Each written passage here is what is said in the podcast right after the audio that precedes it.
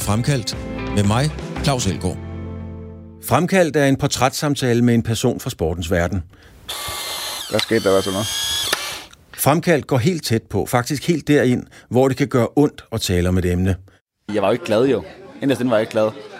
Har man først sagt ja til at være med i Fremkaldt, så har man også sagt ja til at give mere af sig selv og dele det med Radio 4's lyttere, end man ellers kender personen for. Jeg har også udtalt dengang, at jeg ville da være verdensmester. Jeg tror bare, folk tænkte, ja ja, der er lang vej, eller kom nu ned på jorden, eller et eller andet. Ikke? Men så sidder man her i dag, og det lykkedes. Når du har hørt Fremkaldt, så er du blevet klogere på et menneske, som du enten holder med, eller måske slet ikke bryder dig om. Nu kan I møde en legende på hans felt. Han hedder Tommy Poulsen og har været sportsjournalist på blandt andet Horsens Folkeblad i en menneskealder. Og jeg ved godt, man skal passe på med at kaste rundt med begrebet legende, men Tommy Poulsen er en legende. Han er elsket og respekteret af atleter helt fra serie 4-niveau til olympiske guldvindere og fætterede fodboldstjerner. Tommy Poulsen, eller nok endnu bedre kendt i sportskredse som Tommy Kuglepind, har nemlig stenograferet nyheder på sin blog i årtier – og det var for dengang en blog rent faktisk var et hæfte af papir, som man skrev notater på. I dag er tiden en anden. Journalistikken har ændret sig. Tommy Poulsen er på ingen måde imponeret af den måde, nyheder i dag bliver formidlet på. Tommy, du er simpelthen nødt til, fordi det er ikke alle mennesker, der ved det, at forklare hvorfor og hvor det kommer fra. Tommy Kuglepind, det er et legendarisk udtryk inden for sportsjournalistik. altså det er Richard Møller Nielsen, der, der har givet mig det der såkaldte tilnavn. og det startede med uh, notater. Altså vi var sammen i Brasilien i 88, og uh, de notater, uh, jeg har taget ved at stå og kigge på bloggen, i stedet for at stå og kigge på, eller kigge på ham, i stedet for at kigge på bloggen, det er jo så, det er jo så derved, at jeg mener, at man skal have øjenkontakt med dem, man interviewer med. Det er der åbenbart ikke så mange, der har. Så øh, da, da, Michael Bundesen sagde til mig, at det generet ham meget, da, da, da, da jeg tog notater på den måde. Men øh, det er så blevet hængende, og Morten Brun brugte det så i forbindelse med mit 25-års jubilæum i Jysk Fodbold. Så, øh, så det er sådan blevet hængende ved, og det er blevet endnu mere etableret, og det er jo ikke ondskabsfuldt på nogen måde, så det er egentlig meget banalt navn, ikke? Og jeg har jo stået ved siden af dig, Tommy, mange gange, når du har, når du har lavet øh, interviewer, du står og Altså, jeg kan sgu ikke se, om du stenograferer, eller hvad det er for en teknik, du bruger, men, men hvad er det for en teknik, du bruger? Fordi du står jo nogle gange helt bogstaveligt og spiser en is, det siger legenden i hvert fald, øh, og kigger folk i øjnene og noterer uden at kigge ned. Hvad, hvad er det, du gør? Jamen, jeg kigger, altså, der, jeg skal ikke ramme linjerne, vel? Altså, så i det øjeblik, der bliver stillet et spørgsmål, så skriver jeg ned de ord, jeg skal bruge. Altså, det er hjemmelavet stenografi, ikke? Og, og når jeg kommer hjem, så skal det skal jo ikke ligge i otte dage, vel? Altså, så, så når, når jeg kommer hjem, kan jeg sagtens læse, hvad der står. Men uh, hvis det ligger i otte dage, så, så kan jeg godt være lidt i tvivl om, hvad der står der. Så det kommer det aldrig til. Men det er, det er bare min, min praktiske måde, hvor alle, eller mange unge journalister, de bruger det med at optage, optage udtalelserne. Det mener jeg ikke, man behøver, og det har jeg aldrig gjort. Altså, det, det, det vi, vi er ladt op med at tage notater. Og Erhard Jacobsen er nok en af de værste, jeg har, jeg har citeret, for en gang han var overholdt foredrag over i 70'erne, så, så man lærer, man lærer råb fingrene og, og pølsefingrene, men, øh, men det er, ja, det, man, man, man vælger et, et ord og en sætning, og, og, tager, og skriver det ned, så har du hele sætningen, og så kan du huske, hvad manden han sagde. Men har du også brugt det, Tommy, som et... Øh til dit brand? Fordi du er også en, et brand på en eller anden måde. Har du været bevidst om det der med at dyrke det der med Tommy Kuglepen? Overhovedet ikke. Altså, jeg har aldrig brugt øh, det. Jeg har aldrig skrevet det.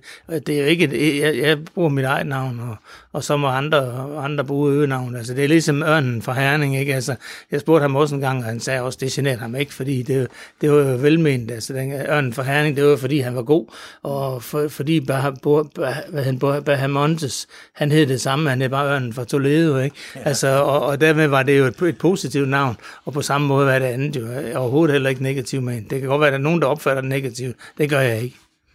Tommy, jeg har jo, øh, eller jo, jeg har også interviewet mange fodboldspillere, og jeg havde en øh, uh, pussy oplevelse. Jeg tror, jeg har haft talt dig det en gang, nu siger jeg det igen. Jeg sad engang i Intercity-toget, og uh, der sad blandt andet Johnny Mølby og nogle andre landsholdsspillere. Uh, sådan med, vi sad ryg mod ryg, og de, jeg tror ikke, de havde set, jeg sad der, men så sad de og snakkede om sportsjournalister. Og det, så snakkede de også om dig, og, og var meget enige om, at du var den, øhm, den, de stolede mest på, havde mest respekt for, og, og så videre. Øhm, hvad, hvad, hvad rører det i dig, når du hører sådan noget? Altså, det, det, er, det er man jo nødt til at leve op til, fordi når du nævner nogle af de, af de spillere, man har meget med at gøre, så, så tager du jo ikke røven på dem. Men altså, hvis de fortæller dig noget, som siger, altså, som er off the record, og, og som ikke skal offentliggøres endnu, så, så brænder du jo en bro hver eneste gang, du offentliggør det. Så, så det er jo en del af, af journalistikken, at, at, man, at man kan få noget at vide, øh, og så ikke øh, offentliggøre det, før det skal offentliggøres. Så, Men så, hvordan, øh, hvordan, Tommy, hvordan har man det som journalist med at fordi du har skrevet rigtig mange gode historier, og du har også stof til endnu bedre historier, som du bare ikke kan fortælle. Hvordan har man det med, med den viden? Ingen, det er ingen problem, fordi du, du ved, at det kommer på et tidspunkt. Og der, altså, hvis du får en ting at vide, som ingen andre ved, så, så vil du stadigvæk være, være først med den nyhed. Det, der træls, det er at få en ting at vide, og så den bliver offentliggjort af andre, inden du selv når for, for lov at skrive den, fordi, øh, hvor du så har vidst den først. Men det, jeg kan slet ikke huske, at det er sket. For, fordi de tilfælde, som du siger, der, jamen, det er nogle spillere, der fortæller dig, at de er på vej der, der, derhen og sådan noget. Og det kan du så bruge i en anden sammenhæng. Altså, du, du vil altid kunne bruge det senere. Vi skal snakke, Tommy, om øh, hvad du synes om journalistikken i dag, men inden vi når derhen, er du også nødt til lige at fortælle folk, øh, hvordan gik det til, at du selv blev journalist? Jamen altså, jeg var jo ganske almindelig skoleelev på Hulvej i Horsens, og i 4. klasse blev jeg så sat op til tavlen og skal tegne øh, en ringklok, og det mislykkedes fuldstændig. Og min lærer, der godt kunne lide at genere møgeungerne der, han siger til, dig, til mig, jamen du bliver ikke nogen ny Edison. Og så siger jeg så til ham, jamen det kan også være lige mig, for jeg skal være sportsjournalist. Og allerede dengang, der brugte jeg alle mine lommepenge på at købe aviser. Jeg samler autografer også, og, og det har altså været en stor fordel øh, ved det, at du får en baggrundsviden, der ligger 10 år længere tilbage, end, end den gjorde. Så, øh, og jeg havde en rigtig god ven der i Pilegård, mm. som arbejder på BT, og ham blev jeg gode venner med allerede i 64, hvor jeg først startede som journalist i 71, og han blev senere min rigtig, rigtig gode ven. Og det var også ham, der indstillede mig til årets sportsjournalist, da jeg blev det i 86. Så, så jeg, jeg har ikke, altså jeg har, hvor, hvor mange unge mennesker i dag ikke aner, hvad de, de vil være, så har der aldrig været tvivl om, at det var det, jeg ville være. Hvad, hvad er det, der, der fascinerer dig ved den verden, Tommy? Fordi du, du skriver jo så godt, så du kunne have skrevet om hvad som helst. Nej, men en almindelig nysgerrighed, vil jeg tro. Altså, man er interesseret sig. Altså, det, du er nødt til at være nysgerrig og være, og være interesseret i, i, i de stofområder, du har. Altså, hvis det er noget, man er ligeglad med, og man synes, det kan være ligegyldigt, så, så, så, så får man ikke noget ud af det. Men jeg har altid interesseret mig for de stofområder, jeg har haft, og, og har, har og dermed gjort alt for at få hentet nyheder hjem på de områder. Så, så, så det har været en helt naturlig interesse. Og journalistikken øh, i dag er jo på mange måder lige så forskellig som en bil fra i dag, og så for 25 år siden, eller 30 år siden. Der er sket meget. På den gode side og på den dårlige side. Hvis du sådan overordnet kigger på journalistikken i dag, hvad, hvad synes du så om den? Jeg, jeg siger, at i gamle dage var vi jo 70 mennesker, der jagtede den nyhed. I dag, jeg synes, det, det, det, er, det er simpelthen, jeg er ikke tilfreds med journalistikken i dag. Jeg synes simpelthen ikke, den er aggressiv nok, og den er ikke pågående nok. Man får ikke uh, nyhederne ud, og, og man accepterer alt, alt for meget af, af det, der foregår. Der er alt for meget mikrofonholderi, der er alt for meget, uh, hvor, hvor man bare accepterer, at, at jamen, sådan er det. Og er der et pressemøde, jamen, så er det i hvert fald på sportens område, så, så er det blevet noget, man bare registrerer, i stedet for at man følger det op. Jeg synes simpelthen, den er, sportsjournalistikken i dag er alt for ukritisk, og, og, og det, er, det er hele vejen rundt, men det hænger jo sammen med, at mange aviser ikke bruger penge nok på og vil, øh, vil satse på det. Altså det, der bliver, aviserne bliver skåret ned. I gamle dage, vi kørte med 12 øh, broadsheet sider om mandagen, ikke? Altså i dag, der har vi under det halve, ikke? Også, ikke? Og, og mange ting er gået ned, og også øh, bredden i idrætten. Altså dengang, der, der, der havde vi jo 55 øh, sportsgrene, som vi skrev om. I dag, der bliver der skrevet om 10 højst, ikke? Altså der, der, bliver jo, der bliver ikke skrevet om boksning, der bliver ikke skrevet om cykling på samme måde, som der gjorde i gamle dage. Og der er alt for mange sportsgrene er blevet nedprioriteret i af journalisterne, og, og det øh, skyldes jo også redaktørerne og redaktionerne. Men når du siger, at det ikke er aggressivt nok, Tommy, er der, er der et eksempel, hvor, hvor du tænker, der kunne man godt have gået mere til det, eller hvad mener du med, at du siger, at det ikke er aggressivt nok? Jamen, der er mange, der sætter noget i gang. For eksempel politikken havde jo en fin serie med det der Wikileaks, ikke? hvor de får øh, startet en hel masse ting. Det bliver overhovedet ikke fuldt op. Altså, de synes jo, det er nogle gode historier, ikke? men altså, det er sådan ligesom tilbage til studiet, ikke? og så, så dør den der, og så kommer den ikke længere. Der er ikke nogen, der har fulgt op på de der ret gode historier, politikken havde. BT Ekstrabladet var jo en magtfaktor i gamle dage. De eksisterer jeg jo stort set ikke i dag. Altså, jeg holder selv BT Ekstrabladet, og jeg synes, når den kommer ind om morgenen, det tager 10 minutter at læse øh, BT Ekstrabladet, altså, der, der, der er jo slet, slet ikke de historier, de havde i gamle dage. Den pågående journalistik, hvor de, hvor de fandt nogle ting, der var interessant for, for masser af mennesker, det gør, det gør de slet ikke mere, og, og det er, jeg, jeg synes simpelthen, det er for tamt. Der, altså, i gamle dage kunne du sælge aviser på, på BT, eller på sportsjournalistik. Det, det kan du ikke i dag. Men er det også de unge journalister, der kommer ud af det, fordi det ikke er en disciplin mere, det her med at være afslørende, konfronterende? Er det sådan mere bare formidling? Jeg tror, det er ovenfra. Det er ikke de unge, der bestemmer. Det er ikke dem, der lægger linjen. Jeg tror mere, det er redaktionerne, og det er mere aviserne, der, der ikke prioriterer sporten højere. Altså, og, og de mennesker, der er med, de gider ikke at, at, at tage de der slagsmål med de klubber, de dækker. Hvis man dækker et hold fast, jamen, så går man ikke ind og, og laver de kontroversielle ting, fordi det, det gjorde man i gamle dage. Hvis, hvis du havde et hold, jamen, så lavede du ballade. Du kan sige, at Ekstrabladet kan godt en gang imellem, når Claus Elgaard ruller sig ud og sådan noget, så kan der godt komme nogle gode historier ud af det. Men det er, der er meget, meget langt imellem at man øh, går ind og, og, og er kritisk over for, for klubberne. Og, og dem, der dækker klubberne fast, jamen de bliver medløbere, fordi det er det nemmeste.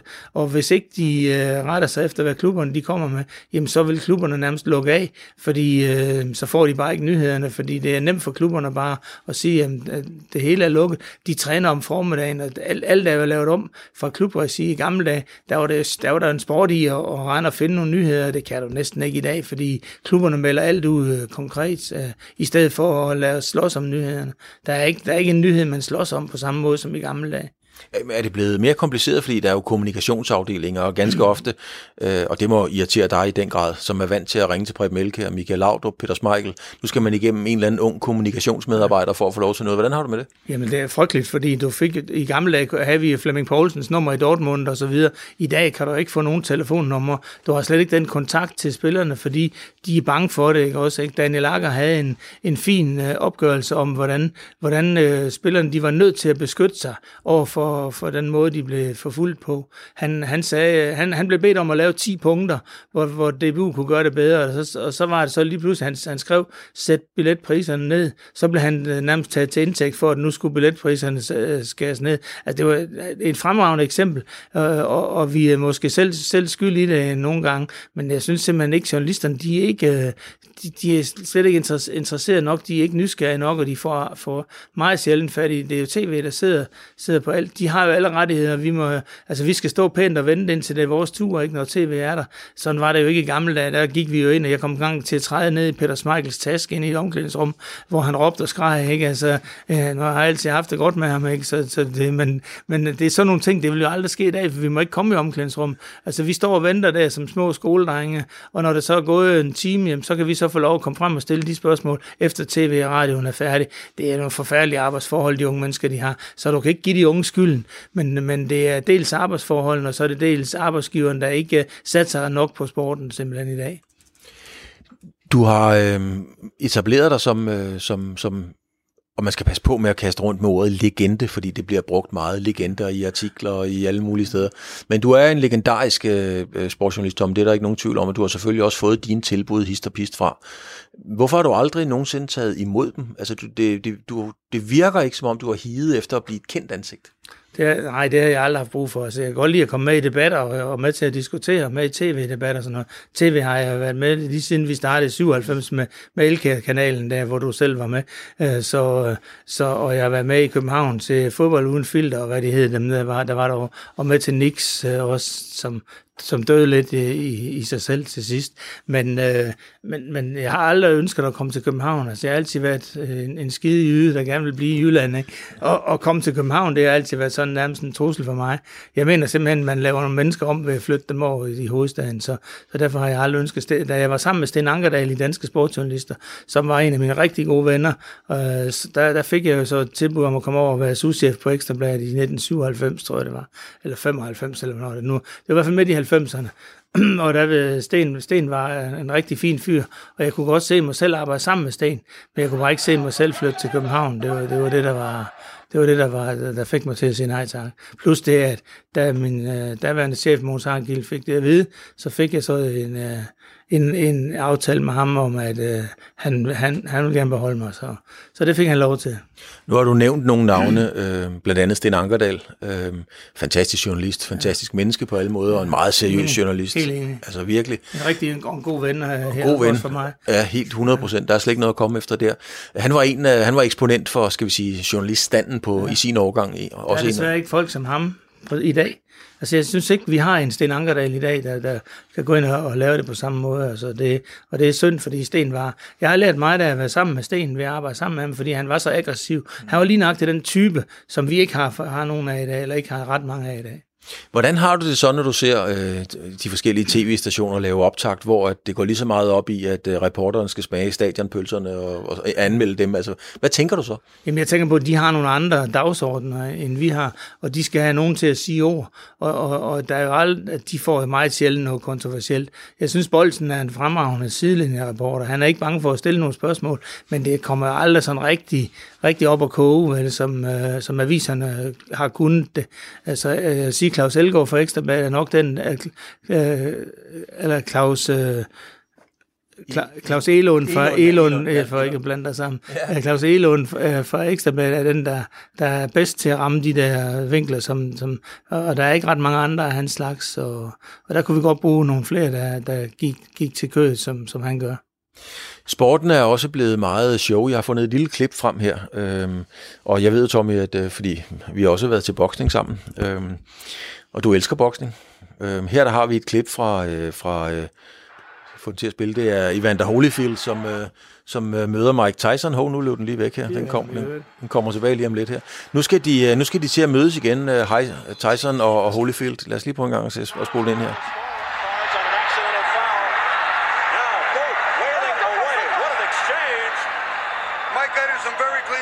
Vi er i øh, 6. omgang, 51, inden det var... Ja, det var ikke lang tid før Tyson han går ned i øvrigt. Hvordan, øh, hvordan har du det med, øh, at sådan to store mænd skal bokse igen? Er det, er det god journalistik? Er det god sport? Eller tænker du, åh oh, nej?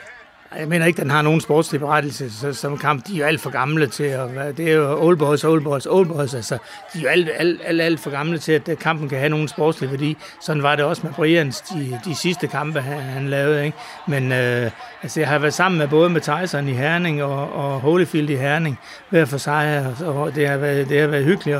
Og, og så, så det bliver jo en begivenhed på, på, på en helt anden, hvor det med øret, øh, det kommer frem igen. Og, og, og vi har også set på tv, at Tyson siger undskyld til ham, da han, da han bider ham. Og han, han beder øret af ham, ikke også? Ikke? Så, Men, men netop det, at de skal mødes igen, er det et udtryk for, at sporten er ved at blive mere teoriseret? Altså det er blevet mere total oplevelse, det er mere showet, end det måske er sporten? ja, man kan sige, det tager jo ikke noget fra nogen, at man laver sådan en kamp der, men det har, ingen, det har jo ingen, ingen berettelse på nogen som helst måde. Jeg synes ikke, altså der kan da godt være nogen, der, der synes, det er sjovt at lave det, men vi bare håber, at der ikke nogen kommer galt af sted.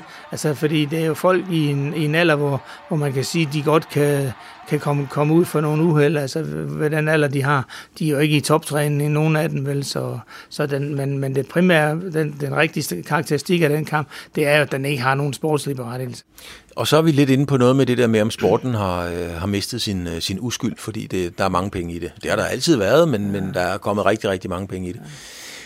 Kan du holde af at elske sporten på samme måde i dag, under de præmisser, det er i dag, som du gjorde for 30-40 år siden? Nå, men det der, du kan tage for eksempel seriefodbold. Seriefodbold har for os i lokalområdet været virkelig en væsentlig ting. Det har været alle, alle landsbyer, alle klubber, hvor de har haft nogle, øh, de har haft stor betydning øh, i det, med det klubliv, der har været i klubberne. Og det har været, det har været ren fokus for alle, øh, i, der har boet i områderne, øh, i de små områder, at der har været noget seriefodbold. I dag er seriefodbolden stort set afgået ved døden. Der er nogle ganske få klubber, der, der satser. Men det klubliv, man havde i gamle dage, det er fuldstændig øh, ikke eksisterende i dag i forhold til, da jeg, da jeg selv var ung og, og spillede. Og det er det, jeg savner for eksempel allermest. Det er at have et klubliv, og have det liv i, i dag, der møder man op til en fodboldkamp, og så kører man hjem, når kampen er slut, fordi man skal hjem til kone og børn. Altså det liv, der, der var i sporten dengang, det er stort set afgået ved døden, og det er synd. Altså, jeg kan jo huske, at jeg voksede op øh, lidt uden for Horsens i en lille by, der hedder Søvind, hvor at, øh, at øh, hele omdrejningspunktet, byens omdrejningspunkt, det var idrætsforeningen. Ja. Det var der, man gik hen lige efter skole. Man var der til de slukkede øh, lysanlægget, og alle kom der. Men hvad, hvad siger det dig, Tommy? At, øh, fordi i det her område, i det østjyske område omkring Vejle, Horsens, Kolding, Fredericia osv., hele det der foreningsliv, der er der, men som ikke har den styrke, som du selv siger, hvad siger det dig om tiden? Jamen det, det, det siger om, at tiderne har ændret sig, og de unge mennesker ikke forstår den værdi. Altså i gamle dage var der fodbold og håndbold og ikke andet. I dag har, der har de jo tusind andre tilbud, og det er det, der har været årsagen til det. Men også det, at, at det hele, de er flyttet derfra, og alle mennesker flytter meget tidligere, end de gjorde i, i gamle dage. Den, netop en klub som Søvind er jo en eksponent for, er jo lige nøjagtigt et godt eksempel på, på hvordan det hele det, det, det har været så mange steder, og så, som ikke er mere. Søvind er en af de, var en af dem, der lukkede, ikke? Altså, blandt andet de fik en, der en af deres bedste spillere dræbt øh, i, i krigen, Bjarke Kirkman. Så, øh, og han var, de havde 11, 11 fodboldspillere, og han var så en af de 11, så der kunne de ikke stille hold med. Så, så sådan har det været. Altså, der er masser af byer, der, der har fodboldhold i dag, men ikke, ikke det klubliv, som man havde i gamle dage. Slet ikke. Selvom du har øh, dækket elitesporten på olympisk topniveau, verdensmesterskaber osv., du har dækket topatleterne, så har du altid haft et hjerte, det kan man jo også tydeligvis høre, der brænder for, for seriefodbolden, for breddeidrætten. Er det et stykke vigtigt dansk kultur, som, er ved at, som man i hvert fald skal passe på ikke går væk? Det, det er smuldret siden starten af 90'erne. Der begyndte det. Vi, vi sagde det allerede der i 93'erne, øh, kan jeg huske, at vi diskuterede det første gang, at nu begynder det altså at gå nedad. Der kommer færre medlemmer. Spillerne begynder at kritisere lederne. Øh, de holdlederne, der lavede et kæmpe stykke arbejde, de, fik, altså, de blev nærmest jaget ud af mange klubber, fordi de var utaknemmelige. Og, og, og det hele, jeg synes, der, der begyndte nedturen øh, for alvor, og den er sådan set næsten kørt uafbrudt lige siden. Og så er der nogle klubber, der satte sig i Danmarksserien og, og Jyllandsserien og sådan noget, men længere ned i rækkerne, der er det altså standarden i Jyllandsserien og, og C1, den er jo slet, slet ikke i nærheden af det, det var der i gamle dage. Der var det klubber, der satte sig og brugte mange penge på det. I dag der er det nærmest øh, hyggefodbold i C1, øh, C2. Vi har udtrækninger ned i C1 i Jyllands, i øh, JBU. Lystrup har trukket deres hold i C1. Det ville aldrig kunne ske i, i gamle dage. Du har altid, Tommy, sat pris på, det har jeg lagt mærke til, når vi, når vi har siddet og, og talt sport, og det har vi sgu gjort i mange år. Så alt, hvad der sådan er på en eller anden måde rent og pænt, æstetisk, øh, smukt, jeg tror, Jørgen lidt ville have kaldt det, det, det er smukt, det der. Mm-hmm. Øhm, det sætter du pris på. Jeg ved, vi, vi skal snakke Federer, han er jo en, en gentleman i alle. Men hvad med sådan en fyr som ham her? Nu er der, der er nogle billeder her af, Laurent Jalabert, som jo også var en flot, øh, en, en flot atlet. Hvordan har du det med en fyr som ham? Jamen, jeg er meget uheldig, fordi jeg, jeg, jeg, han vandt et løb op i Aarhus, hvor jeg var speaker. Og der, der, der, der efterlod han et meget, meget dårligt indtryk.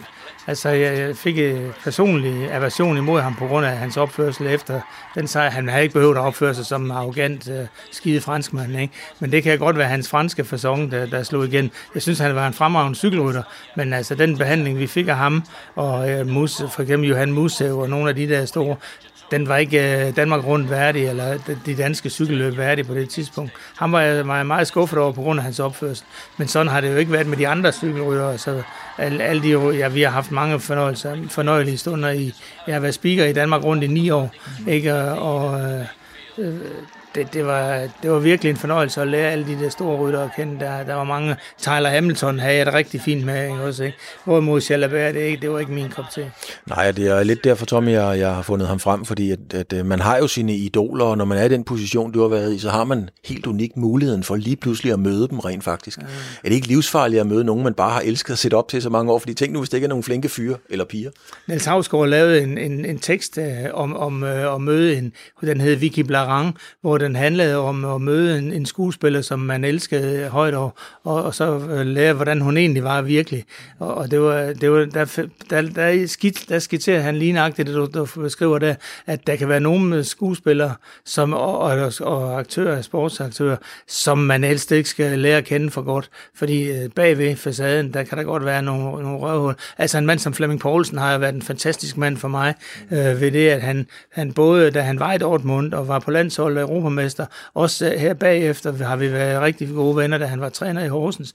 og her til sidst, hvor Flemming har skaffet os billetter til Dortmund to gange. Altså sådan, sådan en vil altid stå stort for mig, fordi Flemming Poulsen var en fantastisk mand i alt, hvad han har, øh, alt, hvad han har haft med ham at gøre. Hvorimod, og der har aldrig været krog, antydning af krogeri eller noget, vel? Hvorimod du så øh, kommer lige med en af dem, som jeg har haft problemer med, med, med Jalabert, ikke? Men hvad gør det ved en, når ens øh, idol på en eller anden måde ikke lever lidt op til det, man sådan går og ønsker, og bare han er sådan? Jamen i det øjeblik, du har en, en, en, en idol, så eksempel en skuespiller eller, eller en, en sportsmand, så, så har du jo et billede af ham, og det hele det billede, det bliver jo helt, når du har mødt ham. Fordi så går det, at du har mødt ham, det kommer også ind, så, ind som en del af det. Altså for eksempel, hvis, hvis der nu er en skuespiller, som du beder om at få en autograf bagefter, så siger nej til at skrive en autograf. Hvis du synes, skuespilleren er fantastisk god, så, så mister du jo lidt af, af, af den... Øh, af, af det hele billede ved ham, at han har været arrogant og bare pokker. Hvorimod hvis han er sød og rar og venlig, jamen så for eksempel Lars Lillehold er jo alle tiders fyr, ikke? hele vejen igennem. Ikke? Hvorimod du godt kan møde nogle af de der store skuespillere, som godt kan være, være meget krukket og arrogante. Har du nogensinde, øh, eller hvad, hvad var dit forhold til Michel Platini? Jeg har fundet en side her, der er en masse forskellige billeder af ham ja. i Juventus-trøjen, selvfølgelig med titallet på og så videre, ikke? Han blev jo ja. rigtig gode venner med i forbindelse med, at han besøgte DBU's arrangement i Odense, hvor Allan Hansen og, og, og han var jeg kan ikke huske, om det var i forbindelse med Ricardos hædring, eller sådan noget, og der kom han jo ind, og så, så var han jo så, så fræk, og så siger han, ja, næste, næste afsnit, det foregår så på fransk, sagde han så, og så grinte han. Så sagde han, det var jeg klar til, for jeg er fransksproglig student, så det, var, så det kunne han bare komme an med, der havde vi jo lidt sjovt med det. Og han var bare hele vejen igen meget positiv, og han scorede så også mod Danmark, ikke? så derfor havde han jo også noget på os. Så han var bare en helt igennem sympatisk fyr. Jeg har ikke mødt ham usympatisk.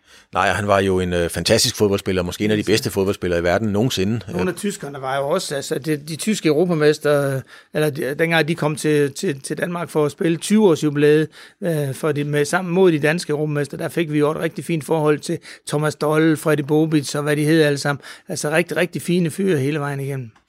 Her har vi jo så øh, Platini i landsholdstrøjen, vi har ham i Juventus og så videre, men hernede der står han jo også som ex-UEFA-præsident. Mm. Øh, han er blevet lidt større, det bliver vi sgu alle sammen med tiden, men, men, øh, men der er han jo ligesom gået fra at være den der øh, æstetiske held, det uopnåelige, det urørlige, smukke på banen, til at blive skurken. Han altså, mener jo selv, at han er uskyldig. Vi ved det ikke. Altså, jeg, jeg kender ikke... Uh, altså, vi ved, hvad han er anklaget for. Den, over, den, den økonomiske overførsel fra Blatter, som han siger, den var helt legal og helt, helt i orden, og hvor andre siger, at, at det, er den, han er, det er den, han er dømt for, det er den, han er udelukket for. Og jeg ved det simpelthen ikke, hvad, hvad, hvad der er økonomi i den der. Men det er heller ikke så meget, som i det der med, om han er skyldig eller ikke er skyldig, fordi det er der nogen, der siger, 10 kendes for ret, der skal finde ud af. Ja. Men det er sådan mere det der skred, som et eksempel, et billede på, at sporten har lidt et skred.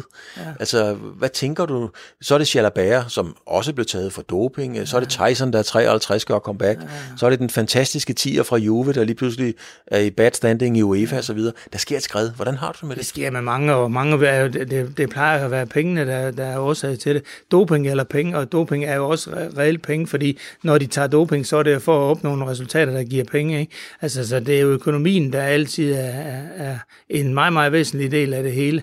Og, og der har Platini jo så også været ind over.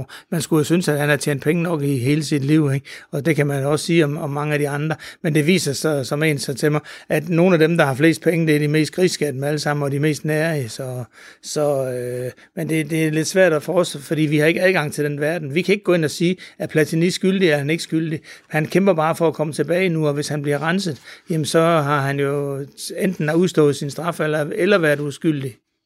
Hvis, hvis vi bliver lidt ved, øh, ved cykelsporten, så er det jo en kendt sag, at øh, Lance Armstrong øh, har, har indrømmet doping, eller blevet knaldet for doping, og der er også mange andre danske cykelrytter, der har nægtet og nægtet og nægtet, og så er det alligevel faldet til patten. Nu er Lance Armstrong ude og, og være meget ked af. Jeg synes, det er uretfærdigt, at navne som øh, Jan Ulrik, øh, Pantani, øh, de ligesom er i bad standing. De kan ikke få et arbejde, mens nogle andre bliver hyldet. Sabel, øh, Aldag osv. Ja. Hjemme i Danmark, herhjemme, der sidder Rolf Sørensen som øh, cykelkommentator på TV2. Øh, Michael Rasmussen er det i Ekstrabladet. Bjarne Ries har været der på Eurosport, eller er det? Altså, de er på ingen måde bad standing. Hvordan ser du hele den situation? Altså, det, det var jo en del af den tid. Altså, hvis du tager 98 og Festina-skandalen, så var de jo alle sammen involveret. Altså, det var en betingelse for at kunne deltage i det der. Og derfor har jeg, altså for eksempel Kim Andersen, ikke, der, er blevet, der er blevet taget tre gange i, for, for doping. Han er jo en fantastisk cykelrytter og har været involveret. Han har også været en god cykelrytter og har været en dygtig sportsdirektør nu her med Mads Petersen og så videre. Så, så derfor ja, er det jo svært at, at dømme dem på det, de gjorde dengang, fordi det var en del af en branche. Altså, alle, alle gjorde det. Så der var et, alle, der var involveret i topcykling dengang, var involveret i, i alt det der. Altså, jeg har jo et specielt forhold til Lance Armstrong, fordi han, jeg kom til at holde meget af ham. Jeg var, fik lov at interviewe ham i Herning, eller i øh, Hadsten i 2003, da han kørte i Danmark, og jeg var over at høre ham i København, da han var over, hvor Kim Bilsø interviewede ham, i, øh, hvor han besøgte Danmark igen. Og jeg har altid syntes, at han er faktisk den største personlighed, jeg har mødt i cykelsporten, det er Lance Armstrong. Altså den måde, han agerede på, den måde, han håndterede hele det pres på, det synes jeg, han var fantastisk. Og jeg er stadigvæk imponeret over Men han er jo blevet jagtet lige siden, og han, spørgsmålet er, om de overhovedet skulle have tilstået, fordi øh, de har kun bragt sig selv i, i uføre. Altså hvis du ser, hvor mange, hvor mange retssager, og hvor mange penge han har mistet Lance Armstrong på det, så tror jeg, at han i dag fortryder, at han nogensinde har indrømt, at, at han blev, blev taget. Fordi han, men han var bare et produkt af tiden, og et produkt af den sport, som den var dengang. Der, der var ikke rigtig andre muligheder, hvis han ville til tops. Og nu har man netop i Norge fundet ud af, at øh, da han vinder i 93, da blev han verdensmester op i Norge, der, der var han allerede der, øh, dopet som 20 år, 21 år, så, øh, så det har været hele, det har været hele karavanen, der har været involveret i det der, og der er ingen, ingen undtagelser til Sydland. Men, men Tommy, hvis vi snakker om, øh, om journalistanden, troværdighed, aggression, være, være kritiske nok og sådan nogle ting, mm. er det så okay for standen, at man bruger jeg har selv arbejdet sammen med Rolf øh, mange gange. Jeg har arbejdet sammen med Bjarne Ries i mange år. Jeg kender dem udmærket. Jeg taler fint sammen med dem og kan drikke en kop kaffe. Men er det okay på standens vegne, at man bruger nogen, som i deres fag har været forbrydere af den værste slags. Ja. Og nu sidder de og er, er kommentatorer og skal fortælle folk, hvad de skal gøre. Jamen, der var ikke andre. Altså, alle, alle de cykelrytter, der har været involveret i det hele, så Jesper Vore har Bo Hamburg, og alle har været involveret i et eller andet på et eller andet tidspunkt. Så der, du kan ikke finde en eneste fra den tid, som har, som har, har rene varer. Og årsagen til, at de gjorde det, det var jo, at alle de andre, de også gjorde det. Ikke? Også, ikke? Så, så derfor er jeg ikke så farvet over det der, når, de, når det foregik på den måde, det gjorde.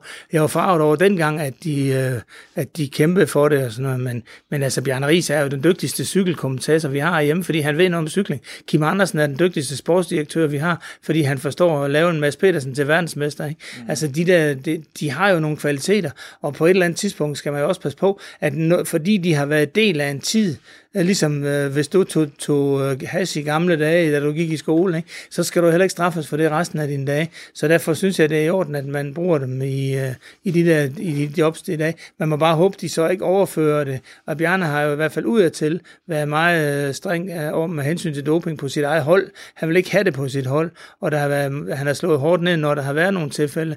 Men vi ved jo ikke, hvad der foregår i dag. Det kan være om 10 år, så afslører de, at, at hele det felt, det stadigvæk er dopet. Det ved vi jo ikke. Men vi har desværre ikke adgang. Som journalister har vi ikke adgang til at konstatere, om de er dopet eller ej. Altså, vi, vi har ikke øh, de muligheder, politiet har, og vi har heller ikke de muligheder, som doping, øh, dopingkontrollanterne har. Så derfor vil vi aldrig som journalister være i stand til at afsløre, om de er dopet eller ej. Men, men Tommy, man kan sige, I har jo i høj grad muligheden for at være med til at give dem deres eftermæle, fordi det er jo på en eller anden måde påfaldende, Lance Armstrong, Floyd Landis, Marco Pantani, de er personer non grata, der er ingen, der vil røre ved dem.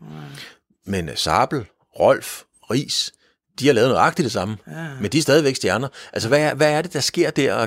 Kan du være tilfreds med det som journalist? Jamen, det er dobbeltmoral. Det, det, det, du har ret i, at det er dobbeltmoral, fordi de burde behandles ens. Men jeg har ikke noget imod, at de alle sammen bliver frikendt, og, og, og når, når de har udstået deres straf. Altså, jeg synes jo, Lance Armstrong, de syv år, han vandt, det er det flotteste cykling, vi har set. Altså, han, har, han var jo en, øh, en nydelse for enhver cykelsportsentusiast i de syv år, og da han ikke var der mere, der gad man jo næsten ikke se Tour de France. Han var virkelig en en, øh, en profil, der var værd at se på. Så, så derfor, øh, jeg havde det lidt anderledes med, med ham, fordi jeg, jeg, så, jeg synes, at han var en fantastisk cykelrytter. Øh, og, og så kan du så den også, han, at han var lige ved at dø inden på grund af, af den sygdom, han også havde. Ikke, også, ikke? Så hans historie var helt unik, men, men, øh, og derfor har jeg det dårligt med, at han skal jages hårdere end andre. Altså jeg synes, det er i orden, at de på et eller andet tidspunkt, det er jo ikke dødstraf, altså de har ikke, de har ikke fået dødstraf, nogen af dem, så på et eller andet tidspunkt må de også blive frikendt, og så kunne leve videre, og det er med Rolf som kommentator med, med uh, Bjarne Ries og, og Kim Andersen og hvem det ellers har været. Så du kan ikke finde en eneste af de der med kommentatorer, der ikke har været. Og, men det er da meget sjovt at se Floyd Landis og en Armstrong i øjeblikket, med den måde, de, de behandler hinanden på. Altså der er jo masser af, de, de sviner jo hinanden tæt over, fordi øh, altså Floyd Landis og, og Lance Armstrong, de kan virkelig ikke tåle at se hinanden, og de er gamle holdkammerater. Mm. Så, så hvis, hvis man vil have lidt underholdning, så kan man godt læse nogle af de historier, der kommer ud mellem de to i øjeblikket. Og det er jo heller ikke øh, sådan to kompetenter, der gør det sværere eller mindre interessant at være sportsjournalist, kan man sige. På den, øh, Vi ved, det, nu, nu, vi ved jo, at de har været dopet, så det er jo ikke sådan, at, at Nej. vi skal ud og afsløre det. Det er rigtigt. En, som øh, ikke er blevet afsløret i ret meget andet end at være en tilsyneladende helt fantastisk, eller ikke tilsyneladende, en fuldstændig fantastisk tennisspiller. Og på, ja, jeg kan ikke huske noget, du, så må du korrekte mig, Tommy, men det er din store held. Det er øh, Roger Federer, som, øh, som vi har sat på her. Ja. Jamen, Roger, Roger Federer er jo den, der tjener flest penge i hele verden, selvom der ikke er spillet tennis i øjeblikket. Han har tjent 106 millioner dollar i år, hvor af de 100, dollars har han, eller 100 millioner dollars har han tjent bare på merchandise, altså bare på, på reklamer og sponsorer. Så han er, han er en fantastisk eksponent for Rolex og hvad de ellers, alle de sponsorer, han har, han har fået samlet. Så, øh, så han, Hvad er, hvad er det ved ham? Fordi du har set dem alle sammen. Han, her spiller han mod. Murray. Han er en gentleman hele vejen igennem. Hvad er, hvad er en gentleman for dig øh, i sports sammenhæng? Det er en, der opfører sig ordentligt.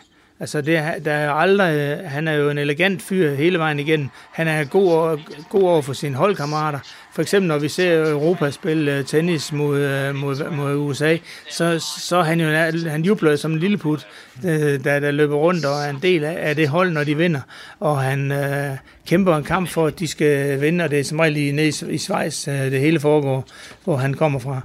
Og, så- og så er han en gentleman i alt, hvad han brokker sig aldrig over dommerne eller noget, eller, og taber han, så står han frem og fortæller, hvor fantastisk alle hans modstandere er og sådan noget.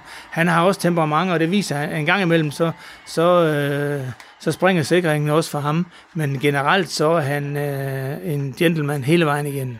Og det er det, jeg godt kan lide ved ham. Han er, han, du finder ikke større gentleman i verdens, verdenssport i dag. Hvem er ellers øh, dine idoler? Hvem er det, du ser op til, når man har haft øh, det privilegie at møde alle dem, du har? Hvem er dine favoritter? Jamen, jeg har jo altså Lance Armstrong, så, fordi jeg synes, han er den største personlighed, øh, som, øh, som jeg har mødt. Det er Lance, den, største, den største personlighed, jeg har fået lov at interviewe, det er Lance Armstrong. Han var i, her, i som sagt, i Hadsten i 03, så, så ham sætter jeg enormt højt. Så, og hvorimod for eksempel nogle af de cykelryttere, der, de var lidt mere indsigtssigende, nogle af dem, der vandt senere. Altså dem, der kom efter ham, øh, synes jeg ikke er Contador og så videre. Hele de der de fine fyre, sympatiske mennesker, men ikke, øh, men ikke den udstråling, øh, som, øh, som du oplever ved, ved Armstrong og, og andre. En del af programmet, Tommy, det er jo, at jeg skal tage et billede af dig. Øh, Og det vil jeg gøre nu.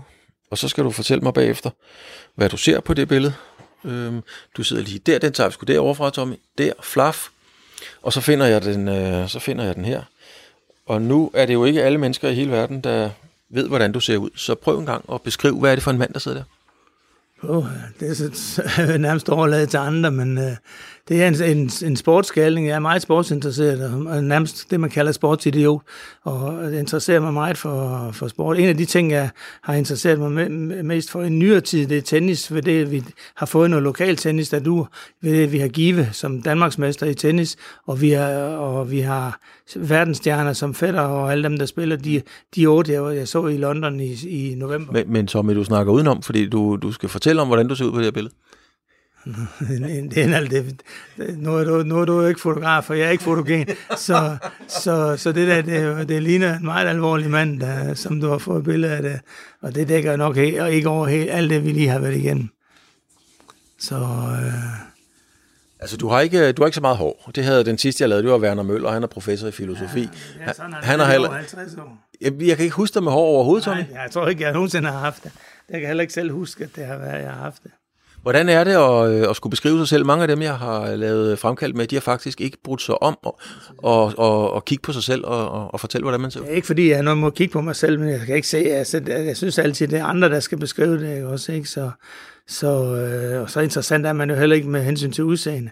Altså det, jeg er mest interessant, interessant overfor, det er jo at have nogle holdninger til sport. Det er jo ikke, øh, fordi man ser ud på en eller anden øh, fuldstændig ligegyldig måde efter at have levet i 68 år. Vel? Altså, det er jo ikke, det er jo ikke, det er ikke skønhedsfoto, og, og det er ikke kun fordi, du ikke er verdens bedste fotograf. Tommy, øh, 68 år. Øhm, du har lige været til, øh, til reception, ved jeg i dag, fordi du har fortalt mig det, hos en af dine kolleger, 70 år. Mm.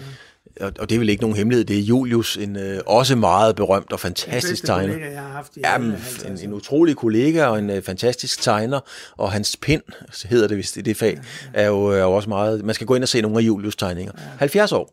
Det er måske ved at være på tide, at Julius holder op med at tegne. Det ved vi ikke noget om, men du er 68, det kan du bedre forholde dig til. Hvornår holder du op med at skrive? Jamen, altså, jeg, jeg har jo øh, forløbig, der har jeg en, et 50-års jubilæum, jeg skal have overstået 18. juni 21. Mm-hmm. Og så stopper 1. september 21. Der holder jeg op på avisen, men jeg er stadigvæk medlem af bestyrelsen for det, der hedder Dansk Fodboldmuseum. Og det er så der, jeg vil prøve at lægge mine interesser, øh, når jeg holder med, med det andet. Og så er der alt det sport, man kan komme ud til. Men der, altså, nu er det jo blevet sådan, ikke, altså, ikke som i gamle dage, hvor der ikke bliver sendt noget i tv. I dag kan du se alt på tv-skærmen, og jeg er da også blevet mere, lidt mere malig med, med, med hensyn til at se tv. Altså, jeg kan, man kan følge med i alt via tv. Og når du har sådan en søndag, hvor du kan se fem Superliga-kampe, så er man, så er man godt orienteret om, hvad, hvordan det går i dansk fodbold. Altså, du har jo altid været kendt for i, i Horsens Folkeblad, og, og det er jo helt tilbage til, ja, vi sidder i Hornsyld. Jeg har selv spillet i Hornsyld. Jeg tror, det har været tilbage i starten af 80'erne. Men man grinede jo altid af. Øh, så har I set nyt om navne i Horsens Folkeblad. Poulsen, han havde, kuglepinden havde lige noget om en tysk tredje divisionsspiller i tredje Bundesliga, der var blevet gift eller et eller andet. Og så sad man jo og rystede på og sige, hvor ved han det fra? Jamen altså, det, vi følger med i alt, hvad nu i dag har du nettet, ikke? I gamle dage havde du aviserne. Ja. Altså, vi havde jo kigger, vi havde, vi havde alting. Jeg har holdt øh, mange, mange aviser. L'Equipe har jeg holdt, øh, Gazzetta eller Sport har jeg holdt, og så har jeg jo den fordel, at jeg, ikke, jeg kan ikke regne, men til gengæld er jeg god til sprog, ikke? Så, så det vil sige, at jeg er både tysk og italiensk og, og, og fransk og, og engelsk, det, det har jeg jo ikke nogen problemer med, så, så, så dermed får du jo også en bredere viden ved at følge med i, hvad der står i aviserne, og det, det er der igen, vi har 20 stjålet det fra. Men også ved at følge med i tv, hvis du ser en, en, en der siger et eller andet øh, om, om tv, så, så får du det at vide der igen bredere viden at følge med, og vi har talt lidt om, øh, om journalistikken. Øh, hvis vi kigger på det i fremtiden, altså ud i fremtiden, øh, hvordan tænker du standen vil udvikle sig? Fordi vil man stadigvæk have hele det der bagkatalog? Det kan godt være, at man aldrig nogensinde får brug for at vide, hvem der spillede højre bak i Duisburg i 87. Mm. Men det er jo trods alt et katalog, man på et eller andet tidspunkt kan hive frem. Mm. Tror du, at vores fremtidige kolleger, de får den viden, du har og andre har? Altså, da tiderne går jeg væk fra det. Jeg kan huske, Torben Larsen fra BT og jeg sad i en, i, øh, i, en, i en bus med landsholdet en gang, og kom til at diskutere B1913's hold, der mødte uh, Real Madrid i 61 eller 63, eller hvad det var, med, med holdopstilling. Og vi var i tvivl om, hvem, om det var i Mortensen var højre bak, og så, så var der en eller anden, der havde et par kommentarer til, ikke også? Ikke? Så de tosser, som vi var dengang, det, de, de findes jo nok ikke uh, på samme måde i fremtiden. Men, uh, og, og statistikker, men du har jo på tv, der har du, Carsten, der har starter Christian Frederiksen, ikke? som jo er, er nørd og, og som går op i alt. Og han er, han er ansat på tv, hvor de får lov at holde de aviser. Vi, kan, vi, vi ser Horsens Folkeblad og Vejlams Folkeblad, og det er hvad, det, de aviser, vi har. Så det er jo slet ikke som i gamle dage, hvor vi kunne holde os orienteret. Det skal du gøre via nettet i dag, og, og det, er, det gør vi selvfølgelig også. Men øh, det er som om, at det hele det bliver overfladisk, og, og slet ikke på, på samme måde. Der bliver, journalistikken har, har ændret sig enormt meget ved det, nettet det er så dominerende i dag i forhold. Så det handler om at være hurtigere, hvor det dengang handlede om at være grundigere. Hvad er en, øh, hvad er en god nyhed i dag? øh, i forhold til en god nyhed for 25 år siden? Det er stadigvæk en personnyhed, hvis der er en eller anden, der er ved at skifte klub, eller øh, som, som er eller et godt initiativ eller sådan noget. Men, men problemet er, at hvis du har en nyhed eller en solo-nyhed, så er den jo ude med det samme, og der, alle andre aviser har den to minutter efter, du har haft den. Øh, I gamle dage kunne vi jo tage hjem fra Vedbæk og have en, en, en Peter Nielsen, der var blevet skadet under, under træningen. Så næste dag kunne du skrive i avisen, og du var måske den eneste, der var der, så at Peter Nielsen ikke kom til at spille landskampen, fordi han var trådt ned i et hul.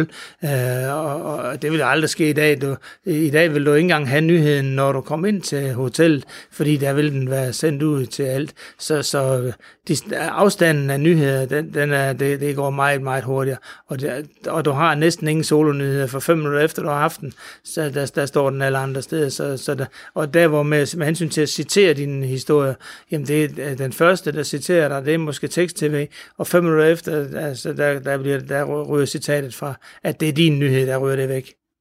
Hvad har været din... Øh, altså, når man har skrevet så mange år, som du har, så har du bibragt nogle øh, nyheder. Også nogle solo-nyheder. Hvad har været den nyhed, hvor du tænkte, den var jeg glad for? Jamen, altså, jeg kan huske, da Børge Munk blev spurgt om det, der sagde han, Paul Rassi, der blev professionel, det lød ikke af noget særligt. Jeg, jeg, jeg, vil, jeg, jeg vil vælge en, en tilsvarende nyhed. Preben Elkær fik en bøde på 5.000 kroner af Vejle for at møde op uden slips, da han var skadet. Og det var til en kamp, øh, og jeg snakker med Preben om torsdagen, og øh, fortæller mig, han fortæller mig, at han har fået en bøde på 5.000 kroner for at møde op uden slips i VB. Øh, og, og den banke, banke videre til, for det var en, Elkær var godt stof, og, og det var en god historie. Det var en solonyhed, som vi havde i fredagsavisen, og den gik videre til elevatoren. Hvis du kan huske det program, der var der engang, hvor Line Bavn øh, arbejdede videre med den og lancerede den som vores nyhed. Den blev citeret med Horsens Folk, blev citeret i elevatoren om, og Preben blev hævet ind som, og interviewet og kunne så bare fortælle den samme historie, som stod i vores avis. Altså, der kan du sige, der, der havde du en af den slags historier, som, som var lidt interessant, fordi det var en kendt person. Det var en øh, exceptionel historie med en bøde på 5.000. Man måtte ikke give bøder på over 500 kroner dengang. Okay. Og så at Elke, han griner af den og dementerer den, og den så bliver lanceret i tv, og den bliver præsenteret med Horsens Folkeblads navn. Det, det var en god nyhed den, i den uge i hvert fald, for det, det var en, vi var stolte af, ved det, at det var vores historie, samtidig med, at den røg ud til hele Danmark. Alt, der var to millioner, der så elevatoren dengang. Tommy, hvordan har du arbejdet med, fordi du er sindssygt stærk på, på, på dit netværk, din kildepleje. Mm. Øhm, og lige meget hvem man er her i tilværelsen, så er det jo ikke alle, der bare falder på røven og synes, man er verdens flinkeste fyr. Men du har altid været dygtig til at, at, at pleje dine kilder. Altså, hvordan gør man det? Min styrke har været, at jeg altid gerne vil ud til nogle ting. Altså, fra den første dag var jeg jo til generalforsamling i Stenderup Borgerforening og så videre. Fra, fra, så har jeg altid godt kunne lide at komme ud til ting. Altså, hvis der var en CO2-kamp en onsdag eller aften, så tog vi ud til dem. Så altså, det giver et netværk. Altså, der er, kunsten som journalist er jo at tage ud til en begivenhed, og så komme hjem med en historie, er betydeligt bedre end den, du tog ud til. Altså hvis det vil tage ud til en C2-kamp, og så komme hjem med, at, at uh, træneren var fyret i en anden klub, eller, uh, hør, hør, og, og det har givet et netværk, dels at være til stede mange steder, og, og, og dels har det givet en baggrundsviden, at du har været der øh, så mange steder. Ikke også? Så, så på den måde har, har vi jo uh, haft den store fordel, at man får, man får man møder så mange mennesker og får opbygget så meget, så uh, så det er, den, det er den måde netværket det er opbygget ved, ved at være til stede alle de steder, du kan. I dag der er du tilbøjelig til at sidde hjemme med hensyn til, til at tage, tage, tage tingene fra tv, hvis man kan, men, øh, men øh, i gamle dage, som du siger, der, der, var der, der var der virkelig stof i at møde op rundt omkring, fordi der havde man ikke nettet, du, havde ikke, øh, du kunne have mange, masser af solonyheder, har vi fået på den konto, ikke mindst i, i Vejle Boldklub, hvor, som jo har været øh, en, en af de steder, hvor vi virkelig havde fat i, i dengang de var de var allerbedst. Altså, jeg var med til at blive, da VB blev dansmester i 78 og 84, ikke? Og, og har haft masser af solonyheder i Vejle, så, så det har været sjovt. Men er det ikke også blevet sværere at passe sit arbejde? Hvis nu vi tager nogle af de helt gamle øh, drenge og piger, altså på badminton, der var en, øh, der var en, øh, en Svend Pri og en Flemming Delf, så var der Ole Olsen på, på, på Speedway, så var der Brett Melke, har vi været inde over, en Frank Arnesen Lærby. De lagde måske lidt mere op til, at man øh, skal vi mødes og drikke en kop kaffe, det kan man jo ikke forestille sig i dag, man ringer til Victor Axelsen eller Jon Dahl Thomasson og siger. Nej, du får ikke en solo-nyhed på dem, fordi den skal, den skal lanceres i en af tv eller sådan noget. Altså, hvis, øh, du kan jo faktisk godt få en nyhed, hvor de siger, at vi offentliggør den der på tv, så kan du få den bagefter, for de vil gerne på tv først. Ikke? Og hvis, øh, hvis du skriver den, før den kommer på tv, så får de ikke historien i, i, i tv. Så, så, så der er altså en helt anden, helt anden hierarki med hensyn til nyheder.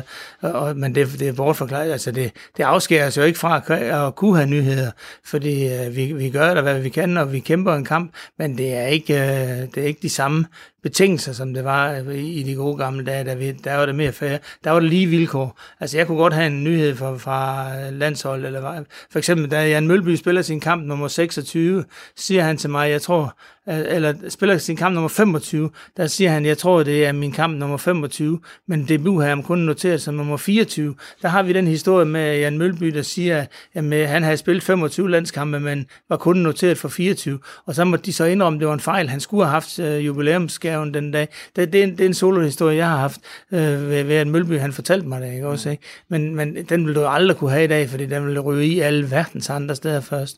Det er bare et eksempel på, på nogle ting, som, som dengang ikke røg på nettet, som de gør i dag. Men hvad tænker du så om det? Altså, at- fordi ja, dig, mig, er vi bare Jurassic Park? Altså, er, er, er der overstået, at vi er outdated? Nej, men altså problemer med, med de skide rettigheder, fordi alt, alt, nu snakker du selv de store, ikke også, ikke, med pri og alt det der, altså det, det, det helt, de skal have alt på tv, fordi det er der, det er der eksponeringen er, det er der, de får reklamerne for det, og, og derfor, der vil vel øh, aviserne jo ikke være så interessante, altså, så, som, øh, som vi var i gamle dage, og, og det er det, der gør det så svært, at det, det er ulige odds, fordi tv, de har rettighederne, de betaler for det, hvor vi ikke betaler en skid, så vi kan ikke, øh, vi kan ikke få lov at få de, mange af de der nyheder, som de har. Så må vi bare stå med hatten i hånden og, og tage dem, når tv, når, når nu tv har fået lov at bringe dem. Fordi det, der skal de være først. Det er lidt irriterende. Et, øh, et navn, øh, Tommy, som når man sidder og taler med dig, der ofte dukker op, og så kan man sige, at det er sådan noget name-dropping og sådan nogle ting, men øh, det er faktisk også en ret hyggelig disciplin.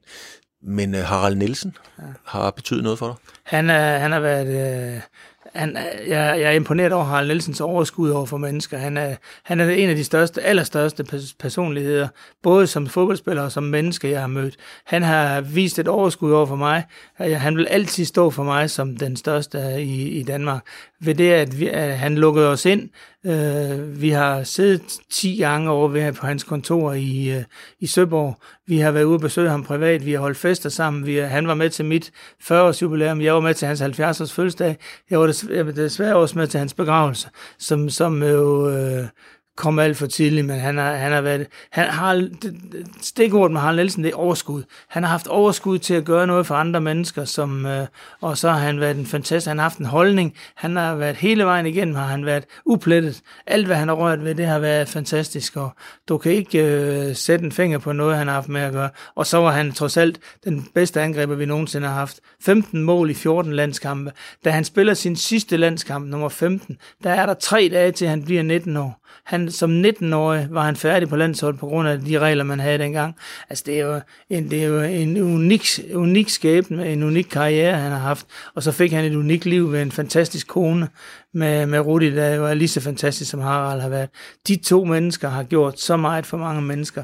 Og det, det er jo for eksempel også det, Roger Federer, han prøver på nu. Altså, hvor man siger, når vi har så mange muligheder, så lad os udnytte dem ved at, og, og, øh, ved at gøre noget for andre mennesker end os selv, og det her, det har Harald Nielsen i høj grad stået for. Altså Guldharald og Rudi, det er jo det, er jo det tætteste, man kommer datidens, øh, skal vi sige, svar på, på David Beckham og, og Spice Girls, havde han sagt. Altså, de var jo i en helt anden udgave, men, men, men de var jo vores svar på dem på en eller anden måde. Jeg synes mere, at der er popfiguren i David Beckham, men der synes jeg, Harald, han er, han er lidt mere sportsmanden, ikke? Altså, han har jo ikke forsøgt, han, han forsøgte godt, godt nok at, at, lave bolden ruller dengang, og det kom, den griner vi af mig, der, den, den fik han meget gas for, men øh, Harald, han, han har virkelig vist overskud, og, og det er Beckham, han er nok mest interesseret sig for sig selv og sin kone.